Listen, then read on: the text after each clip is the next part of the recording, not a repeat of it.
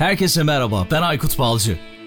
Teknoloji, iş dünyası ve dijitalde trendleri konuştuğumuz Dünya Trendleri Podcast serisinin yeni bölümüne hepiniz hoş geldiniz.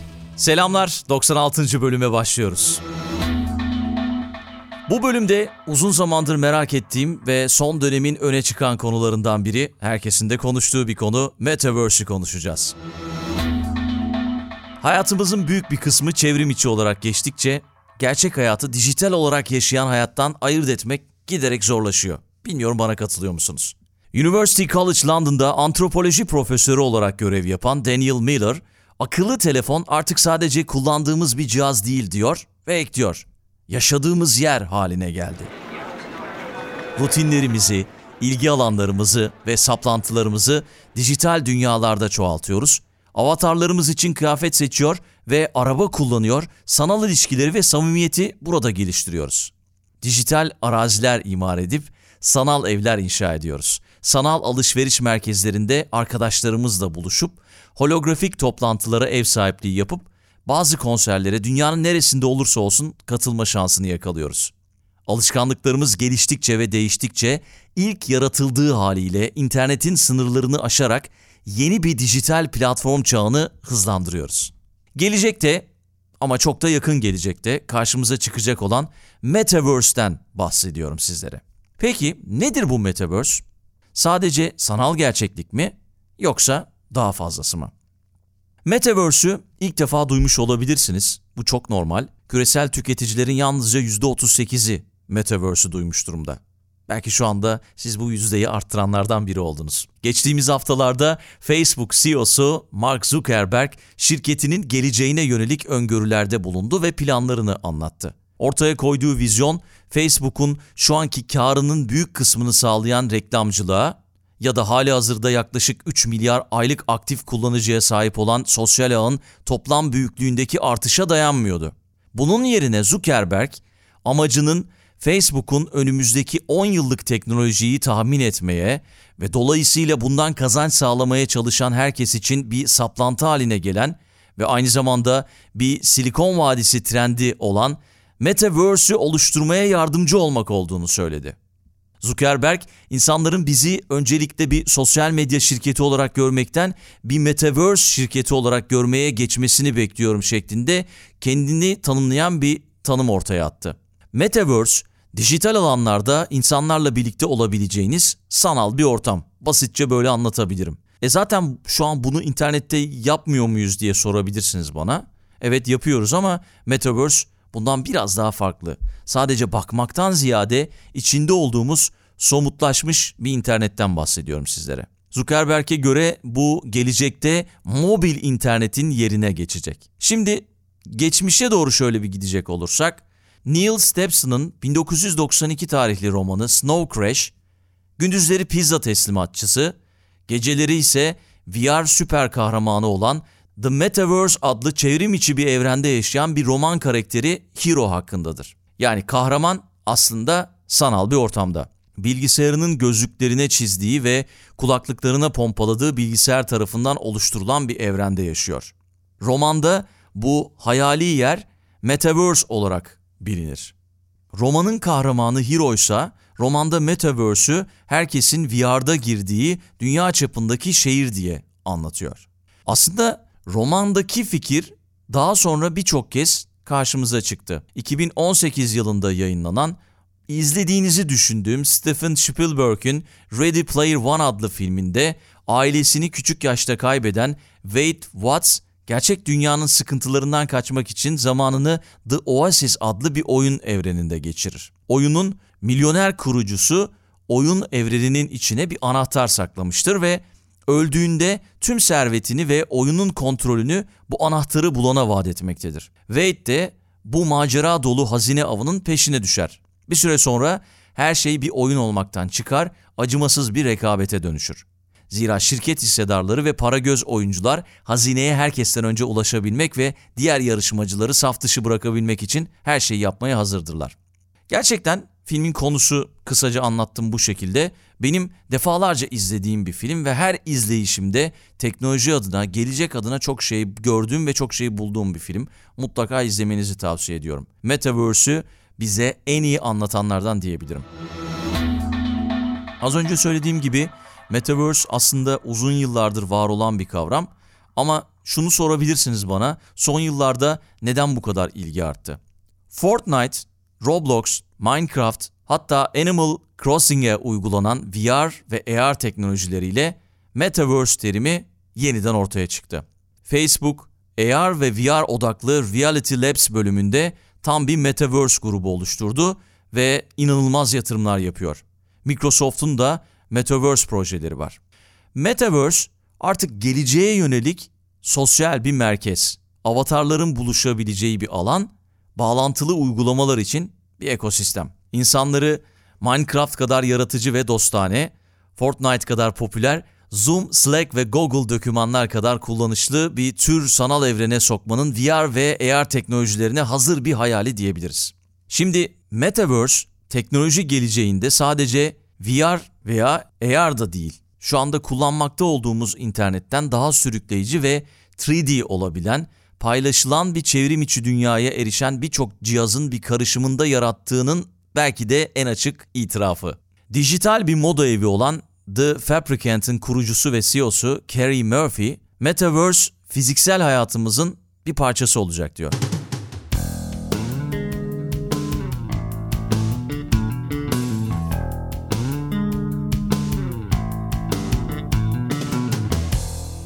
Oculus 2012 yılında bir Kickstarter aracılığıyla başladığında VR teknolojisi birçokları için yalnızca uzak bir hayaldi. İki yıl sonra şirket Facebook tarafından 2 milyar dolara satın alındı. Facebook yatırımıyla beslenen VR inovasyonu o zamandan beri büyük bir sıçrama yaptı. Oculus, gelecekte de sosyal iletişim üzerinde pazar hakimiyetini güvence altına almak için Facebook'un uzun vadeli stratejisi gibi görünüyor. Facebook, yıkıcı yenilikler nedeniyle bir numaralı sosyal ağ olma konumunu kaybetmeyi önlemek için biliyorsunuz WhatsApp ve Instagram gibi çağdaş rakiplerini satın almıyor sadece. Ayrıca gelecekte kendisini çökertebilecek teknoloji şirketlerini satın alarak bir nevi kendisini güvence altına alıyor. Oculus veya şimdi giderek artan şekilde Facebook Reality, Metaverse'ün temellerini yavaş ama istikrarlı bir şekilde atan bir inovasyon departmanı gibi çalışıyor. Tüketicilere ucuz başa takılan ekranlar sunmak da bu planın bir parçası. 1 milyar insanı VR'la tanıştırmak. Ucuz fiyat elbette tüketicilerin paradan başka şekillerde ödeme yapmalarını gerektirir. Facebook ve Oculus da buna benzer bir şey yapıyorlar. Facebook ve Oculus arasındaki farkı görmek de giderek zorlaşıyor. Çünkü Oculus cihazlarının tüm yeni kullanıcıları ve bir Oculus Guest 2 satın alan herkesin Facebook'a kaydolması gerekiyor. Hem de gerçek adlarıyla hem de gerçek kimlikleriyle. Eğer Facebook'u silerseniz yanlış bir hesap kullanırsanız veya şartlar ve koşulları ihlal ederseniz tüm satın alımlarınıza ve uygulamalarınıza erişiminiz siliniyor ve bunların hepsini kaybediyorsunuz. Sübvansiyonlu fiyatın nedeni de işte budur. Sizi farklı dünyalara götürebilen harika sanal gerçeklik cihazı aynı anda Facebook'un altyapısından çıkmanızı da engeller. Ne güzel iş değil mi? Facebook'un gerçek kimliği doğrulanmış hesaplara yönelik talebi teknoloji dünyasında çok sıra dışı bulundu biliyorsunuz ve burada başka sorular sorulmaya başlandı. Sanal mülklere acaba el konulabilir mi? İstediği zaman Facebook istediği kişiyi Metaverse'ten sınır dışı edebilir mi? Bunun gibi tonlarca soru soruldu, tüyler ürpertici sorular ortaya çıktı. Burada Metaverse'ü yaratmaya ve kontrol etmeye çalışan ve zaten gücünü istediği gibi kullanma konumunda olan bir şirket görüyoruz sanki. Diğer bir deyişle Metaverse savaşı başladı da diyebiliriz. Çünkü nerede olursak olalım etkilenebiliriz. Bu ister reklam yoluyla ister politik inanç yoluyla olsun özel şirketlere bu kadar fazla yetki vermenin zorluğu bizim çıkarlarımızda özel aktörlerin çıkarları arasındaki potansiyel çelişkidir. Bunu bugün sosyal medyada zaten görüyoruz ve bu sorunlar toplanan verilerle çok daha fazla büyüyecek diye düşünüyorum. Şimdi buraya kadar güzel bir şekilde özetlediğimi düşünüyorum ama gelin isterseniz Metaverse'ün hayatımızda neleri değiştirebileceğini ya da değiştirdiğini onlara biraz bakalım. Sonra da konuyu bağlayalım. Covid-19 pandemisinin öne çıkan olaylarından biri biliyorsunuz mutlaka rast gelmişsinizdir bir haber muhabirinin pantolonsuz kameraya yakalandığı viral bir videoydu. Ancak tamamen giyinik bir avatar yaratabileceğiniz sanal bir dünyada artık bu tür kazaların olma olasılığı çok düşük olacak. Pandemi sırasında bir diğer büyük değişiklik ise eğitim sektöründe oldu. Dünyanın dört bir yanındaki okulların çeşitli karantinalar sırasında ve hatta bazıları daha sonra enfeksiyonun yayılma riskini azaltmak için kapılarını kapatmasıyla çoğu çocuk evden çalışmaya zorlandı. Bu okulları ve bir bütün olarak eğitim endüstrisini iletişim kurmak, işbirliği yapmak ve değerlendirmeler yapmak için yeni yollar bulmaya zorladı.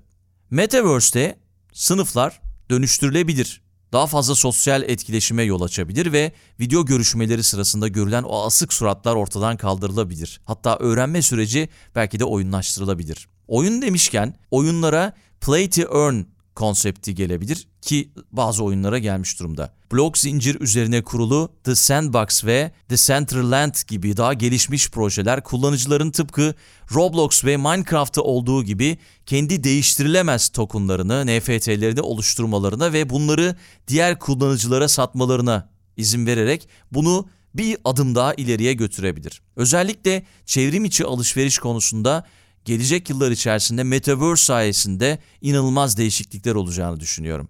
Çünkü gelecekte giysi alışverişi söz konusu olduğunda Metaverse'ün içerisinde herhangi bir mağazaya girip burada denemeleri sanal ortamda yapabilir, nokta atışı sağlayabilirsiniz. Gerçi gelecekte hayatımızın büyük bir çoğunluğunu, zamanımızın büyük bir çoğunluğunu Metaverse içerisinde geçireceğimiz için giysi almak da ne kadar mantıklı olacak o da bir soru işareti. Geçtiğimiz yıl biliyorsunuz seyahatin kısıtlanmasıyla antik Yunan ve Mısır VR turları popüler hale geldi ve kendim de birçok müzeye, dünya üzerinde belki hiç gidemeyeceğim müzeye gitme şansını yakaladım sanal turlar sayesinde. Yine Metaverse ile geliştiriciler ziyaretçilerin ilgisini çekmek için müzede mesela Amerikan İç Savaşı'nı anlatan, olayı yeniden canlandıran bir şekilde turlar, VR turları gerçekleştirdiler. Böylece ne oldu? Sadece evinizden çıkmadınız, aynı zamanda sınırları geçtiniz ve aynı zamanda zamanda da geriye gittiniz. Gelecekte de bu böyle olacak. Sadece evinizden çıkmadan sınırları geçmekte kalmayacak,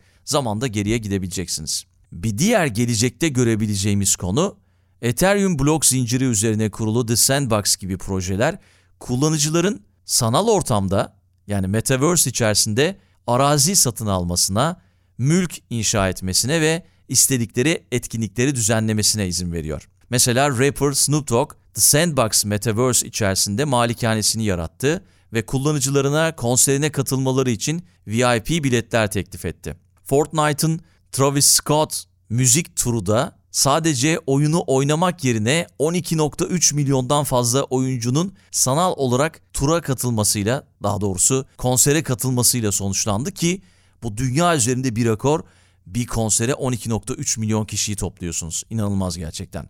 Metaverse içerisindeki arazi milyonlarca dolara satılıyor. Buna inanabilirsiniz. Burada şunu düşünebiliriz. Zamanında buralar tuttuktu. Keşke buradan bir arsa alsaydık diyebilirsiniz. Birçok insan henüz Metaverse'ün ne olduğunu bilmese de birçok insan bunu keşfetmiş durumda. Az da olsa birçok insan bunu keşfetmiş durumda. Arazi satın alıyorlar ve karşılıksız tokenlarla, NFT'lerle burada yatırımlar yapıyorlar.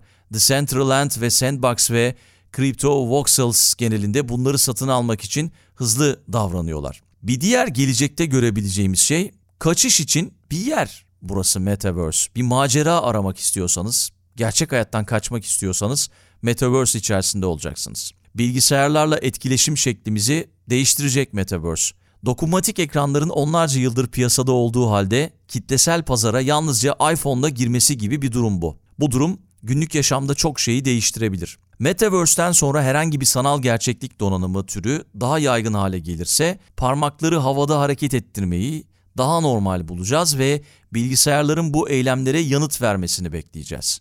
Aynı zamanda Metaverse satın aldığımız teknolojiyi de değiştirecek.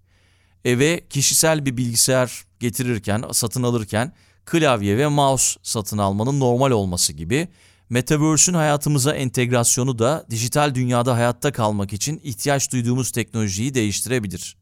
Yani ne olabilir? VR gözlükler olabilir. İşte dokunmatik ekranlar olabilir. Sanal ortamda holografiler olabilir. Farklı teknolojiler karşımıza çıkabilir. Ve tabii finans. normal bankacılık sektörü Metaverse'te görülecek bir yer değil. Bunun yerine kripto para birimini kullanan merkezi olmayan finans DeFi çözümleri meta veri tabanında yükselişe geçiyor. NFT'ler ve dijital mülkler bu şekilde satın alınıyor. Biletler bu şekilde satın alınıyor, organizasyonlar yapılıyor. Bir token bir başkasıyla değiştirilebiliyor ve diğer işlemler gerçekleşebiliyor. Buraya kadar kısa bir özet geçtiğimi düşünüyorum. Metaverse dünyası, Metaverse evreni çok fazla konuşulacak bir konu. Önümüzdeki yıllar içerisinde çok daha fazla konuşacağız. Umarım sizler için bir farkındalık yaratabilmişimdir. Bütün bunları anlattım. Bunlar size çok uzak gelebilir ama bu anlattıklarım gerçekten çok yakında gerçekleşecek. Çünkü çok hızlı bir değişim içerisindeyiz. Birbiri ardına çıkan yeni teknolojiler sanki bir zincirin bir halkası gibi, bir parçası gibi hepsinin bir anlamı var. Hepsi birbirinin tamamlayıcısı. Bu teknolojileri benimseme ve anlamlandırma hızımız da gitgide artıyor fark ettiyseniz. Tabii Metaverse için daha çok fazla yol kat etmek gerekiyor. Olumsuz yanlarını, soru işaretlerini onları çok fazla anlatmadım. Onlardan çok fazla bahsetmedim ama bir sürü aşılması gereken şey var. Yasal konular var, telif konuları var, teknik konular var, teknolojik konular var. Birçok sorun var. Birçok aşılması gereken sorun var. Ama ben bunların çok hızlı bir şekilde bazılarının da biz fark etmeden hallolacağını düşünüyorum. Şimdi bir metaverse fikri hayatımızın daha da fazlasını evrensel bir platforma taşıyarak fiziksel dünyanın kısıtlamalarının üstesinden gelmek için bize sınırsız olasılıklar, olanaklar sunabilir. Ama bunu yaparken unutmayın metaverse evreninin izin verdiği ölçüde yapar. Gelecekte böyle bir dünya bizleri bekliyor. Umarım bu bölümü beğendiniz. Beğendiyseniz sosyal medya üzerinden paylaşırsanız çok çok sevinirim. Spotify üzerinden de bölümü beğenip beğenmediğinize dair bir anket bırakacağım. Aynı zamanda bölümle ilgili, Metaverse ile ilgili yorumlarınızı da oradan yazarsanız çok çok sevinirim. Her zaman olduğu gibi e-mail yoluyla ya da sosyal medya hesaplarımız üzerinden de bize ulaşabilirsiniz. Ufak bir hatırlatmam var. Bir Patreon hesabımız var. Oradan aldığımız desteklerle podcast'i sürdürülebilir hale getiriyoruz. Oradan da kendinize uygun bir abonelik modelini seçer, destek olmak isterseniz çok çok seviniriz. Hepsinin linklerini podcast'in açıklama kısmında bulabilirsiniz. Yeni bölümde buluşmak üzere. Dünya Trendleri Podcast serisinin bu bölümünün sonuna geldik. www.dünyatrendleri.com Twitter'da @dünyatrendleri, Instagram'da dünya.trendleri adreslerinden Dünya Trendleri Podcast'i takip edebilirsiniz. Unutmayın önerileriniz ve merak ettikleriniz içinse info.dünyatrendleri@gmail.com adresinden mail atabilirsiniz. Bu bölümü dinlediğiniz için çok teşekkürler. Yeni bölümde tekrar buluşmak üzere.